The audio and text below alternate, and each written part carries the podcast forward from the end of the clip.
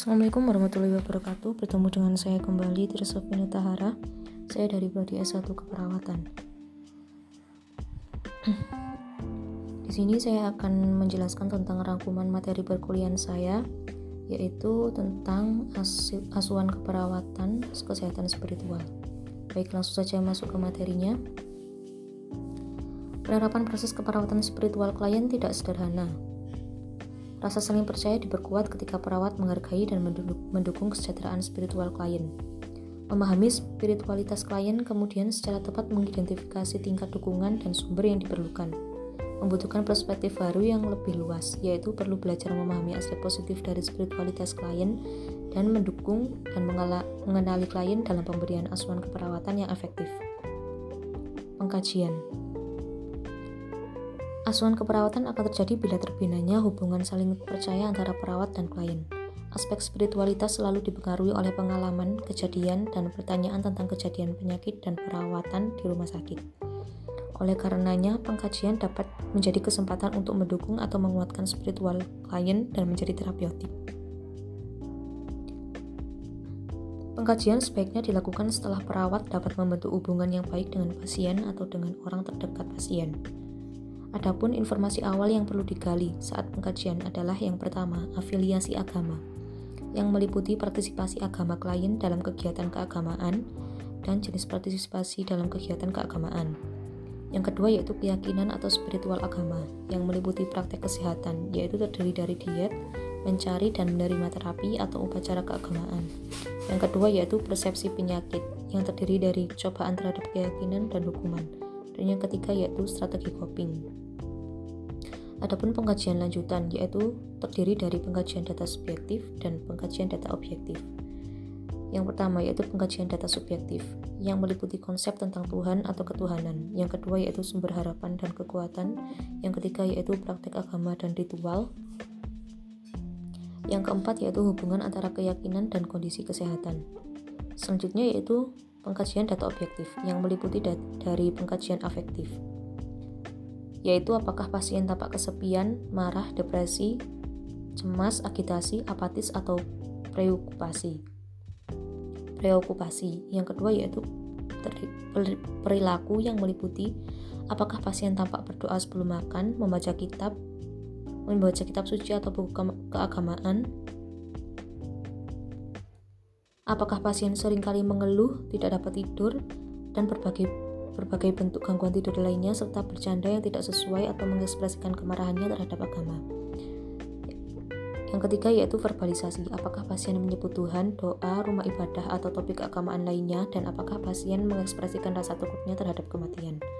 Yang keempat yaitu hubungan interper, interpersonal, interpersonal, yaitu siapa pengunjung pasien, bagaimana pasien berespon terhadap pengunjung, dan bagaimana pasien berhubungan dengan pasien yang lain dan juga dengan perawat. Yang kelima yaitu lingkungan. Apakah pasien membawa kitab suci atau perlengkapan ibadah lainnya? Apakah pasien menerima kiriman tanda simpati dari unsur keagamaan dan apakah pasien memakai tanda keagamaan, misalnya jilbab?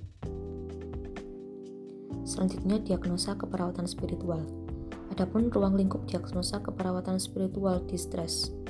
Keperawatan distress spiritual meliputi berhubungan dengan diri, yaitu meliputi mengekspresikan ruang dalam harapan, arti tujuan hidup, kedamaian, penerimaan, cinta, memaafkan diri, keberanian, rasa bersalah, marah, dan coping yang buruk. Selanjutnya, berhubungan dengan orang lain yang meliputi menolak berinteraksi dengan teman, keluarga, dan pemimpin agama, mengekspresikan keterasingan, dan mengungkapkan terpisah dari sistem dukungan. Yang ketiga yaitu berhubungan dengan seni, musik, literatur, dan alam yang meliputi tidak ada ketertarikan kepada alam, tidak mampu mengekspresikan kondisi kreatif atau bernyanyi, tidak ada ketertarikan kepada bacaan agama. Yang keempat yaitu berhubungan dengan kekuatan yang melebihi dirinya, meliputi mengekspresikan marah kepada Tuhan, mengalami penderitaan tanpa harapan, dan tidak mampu beribadah, tidak mampu berpartisipasi dalam aktivitas agama. Adapun faktor yang berhubungan dari diagnosa keperawatan distress spiritual menurut North American Nursing Diagnosis Association tahun 2006 yaitu mengasingkan diri, kesendirian atau pengasingan sosial, cemas, kurang sosiokultural atau deprivasi, kematian dan sekarat diri atau orang lain, nyeri, perubahan hidup dan penyakit kronis diri atau orang lain. Selanjutnya, tujuan dan kriteria hasil. Adapun tujuan asuhan keperawatan yaitu klien akan mengidentifikasi keyakinan spiritual yang memenuhi kebutuhan, menggunakan kekuatan keyakinan, harapan, dan rasa nyaman ketika menghadapi penyakit, mengembangkan praktik spiritual yang memupuk komunikasi dengan diri sendiri, Tuhan, dan dunia luar, mengekspresikan kepuasan dengan keharmonisan antara keyakinan spiritual dengan kehidupan sehari-hari.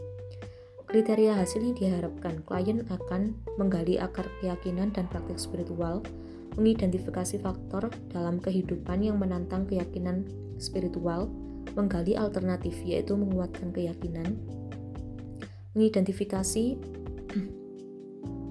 mengidentifikasi dukungan spiritual dan mendemonstrasikan berkurangnya distress spiritual setelah keberhasilan intervensi. Adapun implementasi keperawatan meliputi periksa keyakinan spiritual ibadah, fokuskan perhatian pada persepsi klien terhadap kebutuhan spiritualnya. Jangan mengansumsi klien tidak mempunyai kebutuhan spiritual. Mengetahui pesan nonverbal tentang kebutuhan spiritual pasien.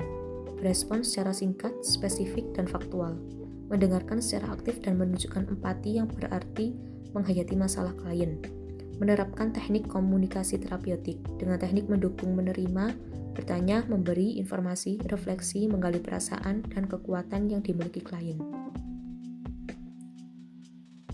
Adapun implementasi menurut Amenta dan Pohnet tahun 1986, ada empat alat atau cara untuk membantu perawat dalam menerapkan perawatan spiritual, yaitu yang pertama, menyimak dengan perilaku wajar, yang kedua, selalu ada, yang ketiga, menyetujui apa yang dikatakan klien, dan yang keempat, menggunakan pembukaan diri.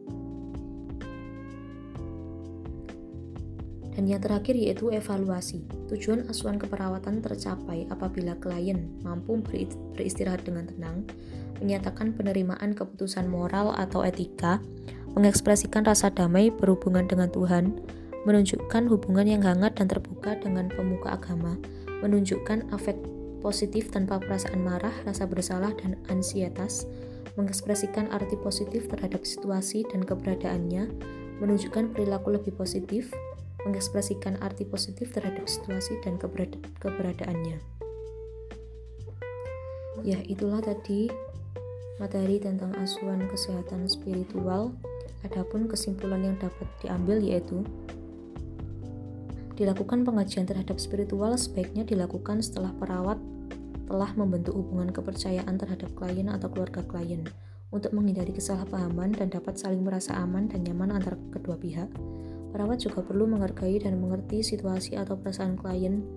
Perasaan klien. Perawat juga harus melihat masalah dari sudut pandang klien dan tidak boleh memaksakan saran. Ya, itu tadi rangkuman materi perkuliahan saya.